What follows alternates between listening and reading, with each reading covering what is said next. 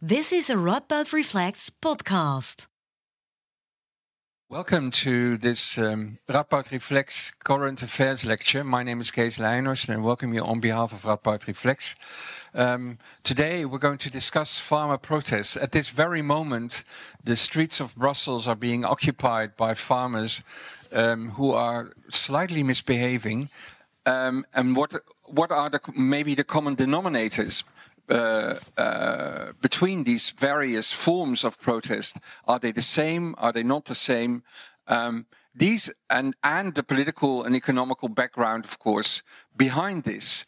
Um, uh, behind the farmer protest. This is what we're going to delve into the, uh, today. We're going to do this with two very eminent speakers. Um, uh, they were announced at uh, at the slide uh, G. van der Kamp Alons, I should say, who is a political scientist um, at Radboud University, uh, Vincent Delabastita, who is an economist at uh, Radboud uh, University, both in the Faculty of Management. Um, maybe the first question, and maybe it's a question for you. You specialize in the EU Common Agriculture Policy. Um, what is happening? What's going on right now? So the is this on? By the way, you can hear me. Uh, so right now we see actually a flurry of protests in different countries, but of course over the past years there have been protests at different places. Uh, like the Netherlands is not so much protesting now, but was since 2019. In Ireland we had protests last year, France as well, and now again. Uh, so there, I would say there are structural things that they are protesting about, which we can go into, and there's probably some reasons why in specific countries they're protesting now. Mm-hmm. So if we look at France or Germany, there were uh, policies going to be made to uh, quit subsidies on diesel, for example, in Germany, which would increase cost of farmers. They were angry about that, and they started protesting right before the Green Week mm-hmm. in uh, in Berlin uh, to really put pressure on the government. And the government actually already gave in mm-hmm. uh, on that uh, in that respect. Uh, in France, it's also partly about. Um, environmental measures relating to fuels and other things, which they are very angry about right now. Mm-hmm. Uh, but perhaps I can show on a slide Let's see. Yeah. Yeah. So Politico Pro actually had an article this morning in which they compared the current protests and what farmers are protesting on. And I will take it here so that I don't have to look at the screen. Yeah. It makes things a bit easier. We will be doing that. Yeah. So um, it's partly cheap exports from other places. And then, of course, you see a difference between countries that are actually on the eastern border of the European Union that are experiencing increased imports, particularly from Ukraine. Also, uh, by deals we made with Ukraine that they could export their grains, etc. Uh, well, like Poland uh, is not very happy about that. Hungary wasn't very happy about that, but the farmers are not mm-hmm. protesting there. Mm-hmm. Uh, high costs we see in different uh, countries actually, and this relates to what uh, what we would call the price squeeze, and perhaps you can actually tell more about that. But that would uh, it actually means that the cost of production has been increasing by increasing energy cost, increasing salary cost, all kinds of inputs that have become more expensive. Mm-hmm. Whereas at the same time, prices have either remained the same or sometimes decreased. Mm-hmm. Uh, so the, the margin for farmers in different countries is really decreasing. So they fear actually for their existence. And I speak about farmers and prices in general now, but of course there's variation between countries yeah. Yeah. and there's variation between uh, product groups. Yeah. If you're an olive oil producer right now, I think you're doing well. but grain producers are doing less but well. So if you see this this chart uh, actually the in, in Holland it's the nitrogen yes. uh, crisis, but this is really not the only thing. It's the only thing that's going no. on. The only factor that's uh, exactly. tying into this. I think there's a more structural, uh, like common denominator of which the nitrogen crisis is only a part, and that's environmental regulations. Yeah. So the Green Deal with uh, farm to fork, uh, biodiversity measures uh, which impose restrictions on farming. Mm-hmm. And then, of course, member states are um, implementing those, mm-hmm. and that's where nitrogen agreements, etc., come in. Yeah. Uh, but that's only one of them. It's also about, um, for example, in France and some other countries, so where it says, oh, it doesn't actually say here. So, uh, well, it only says regulations, EU Yes. regulations, and what Yes. they refer to is, for example, economic, uh, ecological focus area. Yeah, yeah. So there's four percent of the land of farmers that they have to uh, either fallow, so they cannot produce there, uh, or there are hedgerows and other things. So it's meant to uh, make the countryside and keep it more beautiful Yeah. instead of only intensive farming, uh, and to have more biodiversity. Yeah. But these rules uh, impinge on the production capacity of farmers, and they feel they're not sufficiently compensated for that. Okay. So that's the environmental aspects are very important here, but they play out in different ways in different in member different states. countries. Okay, Yes. let's let's go to the economic uh, side. Um, uh, I'm com- completely late to, the, to this, but I, I know there's lots of money going to farmers in uh, in Europe in, in terms of subsidies. So they get a lot of subsidies, and yet they complain about prices um, and and and and and increased um, costs. Uh, can you explain how how this can happen? Yeah, that's an interesting question. Um, first off, um, I think there's a couple of exogenous factors at play, right? Factors on which policymakers, such as the European uh, Union, does not really have an influence on, right? For instance, what's happening in Ukraine right now. Um, this is something we need to separate from some of the more structural factors which are at play here. Um, there's a long history within the EU of supporting agricultural markets. Um, and then it's interesting to think about what the economic motivations might be behind that, right? Um, I see this as a policymaker, you have two options, right? First, you can just let the market play out the way it wants to, right? Or you could, for some reason, be convinced that the market level price, which uh, might be in equilibrium or which might play out in equilibrium, um, is not the socially optimal or equitable level, right? And for a long um, time in the European Union, uh, policymakers have been convinced that um, the equilibrium level, the, so the level that would play out if there would be no government intervention in the markets, is too low. So that it's not high enough, for instance, to sustain um, agricultural activities within Europe, right?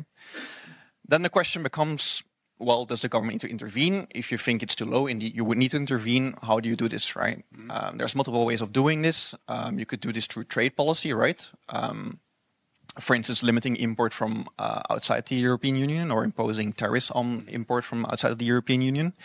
Um, but another um, strategy is indeed to subsidize agricultural activities, right? So also something which has been historically has has been done uh, aplenty. Um, so what you have is pretty much a long history of um, artificially, if I may call it that, inflated agricultural prices, right?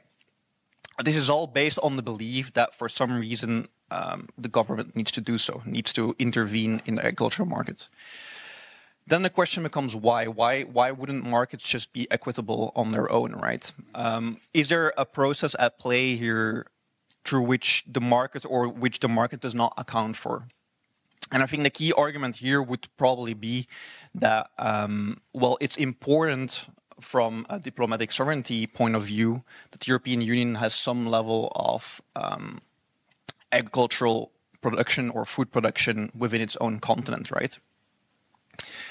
The difficulty there is what kind of price do you put on that, right? On that strategic value of having your own food production. And I think that's where there's so much room for, for um, political leeway to change these levels of subsidies, to change these tariffs through time, because there's no real objective criteria. It's very difficult to get to an objective criteria as to what extent you want to support this argument of um, diplomatic strategy, right?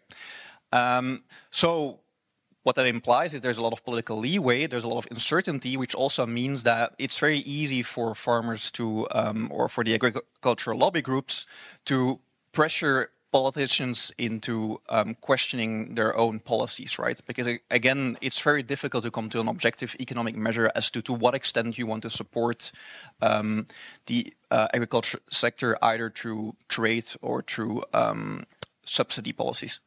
And and how has this? You, you're talking about a long history, uh, but where are, where do we stand now? Is is there uh, a change in this in this idea that we that Europe should be able to sustain itself agriculturally? Is that what's behind it? Um, uh, Ray was talking about the the the uh, for instance the Ukraine, the eastern border of the of the EU, uh, so trade factors. So where do we stand now in this long story that you uh, that you've been telling? Well, I think it's indeed a long history and a long story indeed. So this has uh, been a story that has been going on for the past two centuries or so, right? This marginalization from an economic perspective of the agricultural sector has been something which is going on for at least two centuries. According to some recent re recent research in uh, the UK, this has been even going on from since the seventh, the mid 17th century. The mm -hmm. agricultural sector has been steadily declining year by year yeah. on a yearly or on yeah. a decade um, decadal basis. Um, what's the driving factor behind this? Um, well, it must be productivity increases in agriculture, right? So we don't need as many people anymore to be active in the agriculture sector to sustain the population sizes that we have nowadays in um, in in Europe or in um, well the global economy even, right? Um, of course, then short-term measures, such as, for instance, what's happening in Ukraine, also have an impact on that, right? There's increased political pressure to um, to give some leeway to, for instance, um, Ukrainian farmers and agricultural producers to to have them be able to export to uh, the European continent, for instance, right, um, or within the EU, that is. Um, so these short-term factors obviously also come at play, but I think what's what, what's at the core here is this kind of long-term trajectory of increasing agricultural productivity, making it harder and harder for um, um prices stay to, for prices to stay at a level which is sustainable for many farmers here in, uh, in, in Western Europe, where they're faced with high labor costs, high electricity costs, um, high capital cost, right? Think about, for instance, the cost of land, right? I think everyone who has ever tried to yeah, buy a, yeah. piece of land yeah. or property in Nijmegen knows, right? Land is expensive in Netherlands. There's a high population density. And that faced with this global pressure of increasing agricultural productivity just creates for a very difficult combination for, for farmers in these areas. Mm-hmm. What is it farmers want to achieve politically? Uh, you're a political scientist. So from the political per, uh, uh, perspective, is it just short-term, you know, lowering of, of, of, of, prices, or is there another agenda behind these various protests that you have been projecting? So in the end, they want a future. I'd say. And different farmers have different interests there because we know that the larger farmers get much of the subsidies from the European Union and mm. they mm-hmm. have easier odds of survival than smaller farmers, for example. Mm-hmm. But but before going into that more deeply, perhaps it's good to to come back to what you said yeah. about the reasons why we support farming. Yeah. So when we started the common agricultural policy in the 1950s, um, there were actually there are a number of goals that the policy was meant to achieve. We had the war, uh, we had food shortages. So food security was one of the first national interests that people wanted to achieve yeah. with yeah. This agricultural policy. So modernization, increasing production. And that's how the, the common agricultural policy started. And the idea behind it in economic terms was that um, agriculture is an exceptional sector. It's not comparable, comparable to other economic sectors. And they said it was for two reasons. Actually, the market failure yeah. that you mentioned, like the market doesn't achieve the right prices here to have a fair living for farmers. Mm -hmm or fair prices for consumers that they can afford. So that's a reason to intervene. Uh, but also for the national interest of food security and other causes that, that farmers uh, produce. So services in uh, keeping up society, uh, livability in the countryside, mm-hmm. etc. Mm-hmm. So that's that's the background of how we started this policy, mm-hmm. and we started with supporting prices, which uh, led to wine lakes and mountains of butter, yeah. etc. Yeah. So we had yeah. to change Milk. the policy. So currently, what we're at, and perhaps it's good to show a slide here um, what we're at is actually um, direct income payments. That's the, the main form of payments to farmers now. It's what farmers have. It's what they want to keep because it's what they have. They had other things before, be, which they may have liked better. So they want to keep these payments, with so we had the political calls without all these environmental strings that have become attached to them, mm-hmm. and without all these additional measures made by the Green Deal. Mm-hmm. So what we see here is that if you look at the income different farms receive, you see that the bigger the farm is, almost till the end, uh, the higher part of their wages are actually dependent on these direct payments paid by the European Union. Wow. Yeah. And that's a lot. So just to show how much that is. So there is a reason behind it. It has grown this way, but it also means that farmers have become very dependent on this. Mm-hmm. And now from different sides, particularly for environmental and climate change reasons, mm-hmm. there has to be change. And I think many farmers accept that there has to be change. Mm-hmm. But they feel now that the changes that are made, uh, particularly are changes that they have to pay for and that all the investments they have done in their businesses that they won't earn them back anymore and that they cannot make a living Yeah. so that's why Yeah. actually so environmentalism is now pitted against farming and their economic interests Mm-hmm. whereas in the end we have to find a, a balance here or something that actually meets both their demands But eventually I, I don't. I, I don't quite get what you say. This, so these direct income, uh, I, I get that. So Mm-hmm. Yes. we we don't we no longer subsidize production, but we subsidize income, so to speak, Yes. of, of farmers based on the acreage based on the acreage. Yes. So it actually means we have we are we as a European Union are subsidizing these mega big uh, uh, farms, which environmentally are Yes. the most destructive. Uh, so that's a paradox. that's part of the problem And then and and, and and but how is Europe some doing something about this this direct income, or is there any anything else? Are there other measures which are behind the protests? Um, so the environmental constraints. So there's uh, like the ecological focus area I mentioned. That's one of the conditions farmers have to meet before they get these direct payments. And this environmental uh, conditionality has increased over the years, but uh, in the common agricultural policy itself, it is still relatively limited. I'd say. Okay. So they can also get money from more taking more environmental measures. For example, it's called eco schemes. Uh, if they take these measures, they will get money for that. So there's different ways for member states to make sure that they can keep subsidizing their farmers. Yeah. And the European Union is trying to make it greener, but it's moving very slowly. And that's why the Green Deal is actually a different avenue to reach partly similar results. So Yeah. if they couldn't do it through the common agriculture policy, they're trying through the Green Deal, Deal. Uh, and farmers don't like it. Yeah. And, and, and, and, again, what, what is the exact reason why they don't like it? What, what, what is the threat, so to speak, that now comes from Brussels, which they are occupying uh, right now at this very moment? Um, well, the more current threats, I think, are legislation uh, implementing Green Deal objectives. Okay. Um, but what we've seen so far is that when we have these type of uh, legislation discussed in Parliament, it's usually watered down, and also in the Council of Ministers. So, uh, so we've had laws in the past couple of years that actually environmental groups and some more green parties haven't been happy about because they were watered down to such an extent. so in the end, no one is happy. The environmentalists are not happy. So the there's no are not long-term solution. No one There's no solution. No, not long term. Oh. Um, so that's one of the, the issues. Uh, another issue they're talking about is that they have to stick to these regulations, whereas imports from other countries into the European Union don't. Mm-hmm. So they argue that they cannot compete with farmers from other countries who don't have to make the costs of living by the same standards as European yeah, farmers. yeah. And I guess partly that is, this is true. Uh, partly it's sometimes somewhat exaggerated, Mm-hmm. depending on which country you trade for uh, with. Uh, but it is one of the reasons uh, why many farmers are against free trade deals Yeah. that open up agricultural markets Yeah. and do not sufficiently uh, also impose those measures on farmers in the other countries. So the European Union tries to do that actually. In uh, trade agreements. So they try to get uh, what they call the sanitary and phytosanitary measures in, so the safety of uh, animals, plants, and people, which goes into the use of herbicides and pesticides, etc. So they try to get rules to other countries by making trade agreements with them. Uh, but these other countries don't always like that, and in the end, you make a compromise. Yeah. And then you Yeah. don't always get all you want. And that's the reason, for example, for France and some other countries to now oppose Mercosur, so the treaty with uh, Brazil, Argentina, etc. Yeah. Yeah. Yes. Could you could you comment a little bit more on this trade trade situation? Uh, you talked about the the the history of decline uh, of the importance of agriculture.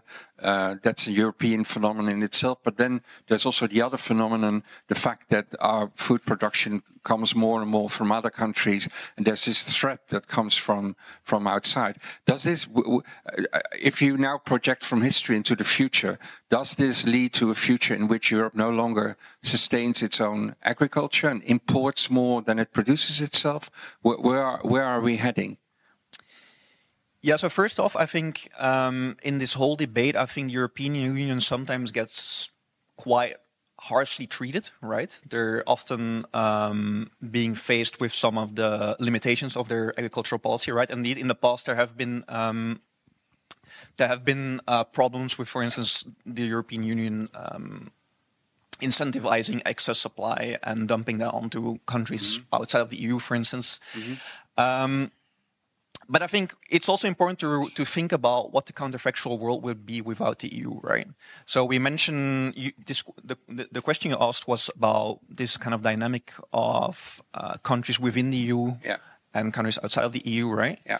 In a counterfactual world, we wouldn't have the EU to impose these kind of environmental measures on in a similar way that is on uh, all countries within the EU, you have similar kind of dynamic of us versus them, but within even within the EU. So you would have uh, Belgian farmers complaining about the uh, environmental standards that they get imposed by the Belgian government vis-à-vis the Dutch farmers, for instance. You would have uh, governments um, competing with each other to lower environmental standards to become or to remain competitive uh, in an economic sense.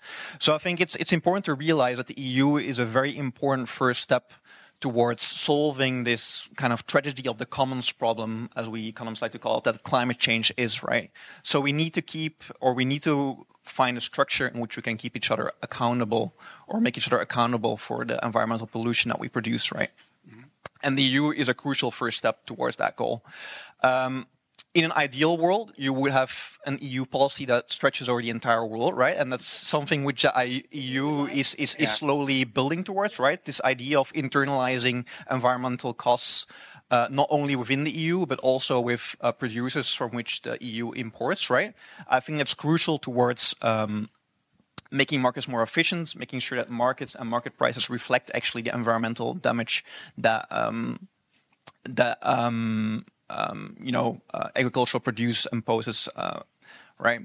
So in that sense, indeed, trade is crucial because I think also through trade and through bilateral trade agreements, the EU can actually impose this uh, this in this incorporation and this international inter inter um, making this internal um, these damages of uh, environment of agricultural production internal, right? Mm-hmm.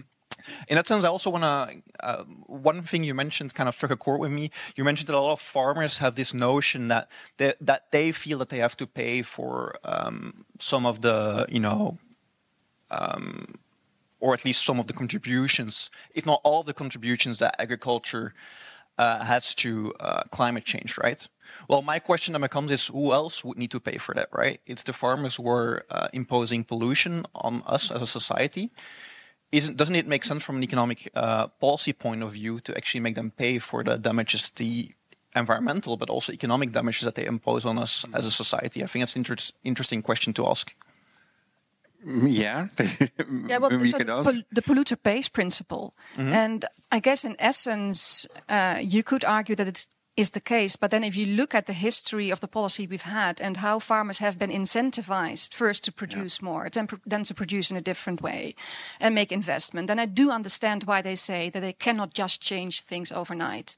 Uh, so it's, I guess, so there has to be a transition in one way or another, and farmers uh, will carry part of the burden of that.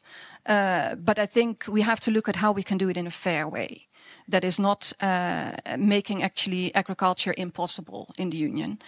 Uh, the European Union. So there is difficulty there. I'm not saying I have the uh, solution, but um, imposing all the costs where they perhaps are made now, I think uh, would have uh, consequences that uh, are detrimental to farming in the European Union. Yeah and, and, and then the, the, the question I answered, uh, I, I, posed earlier, the, the, the, future, the future of this common agricultural uh, policy. Where are we heading? More imports, uh, less uh, sustainability, more sustainability, Europe being able to sustain its own food production or not? Where, where do you see, where do you see the future? Um, so Europe is sustaining its own food production mostly. I think we're the number one exporter actually in the world, and I think the number three or four importer. So we actually have uh, we're exporting more than we're importing, particularly a number of countries. So France and Netherlands are very big exporters.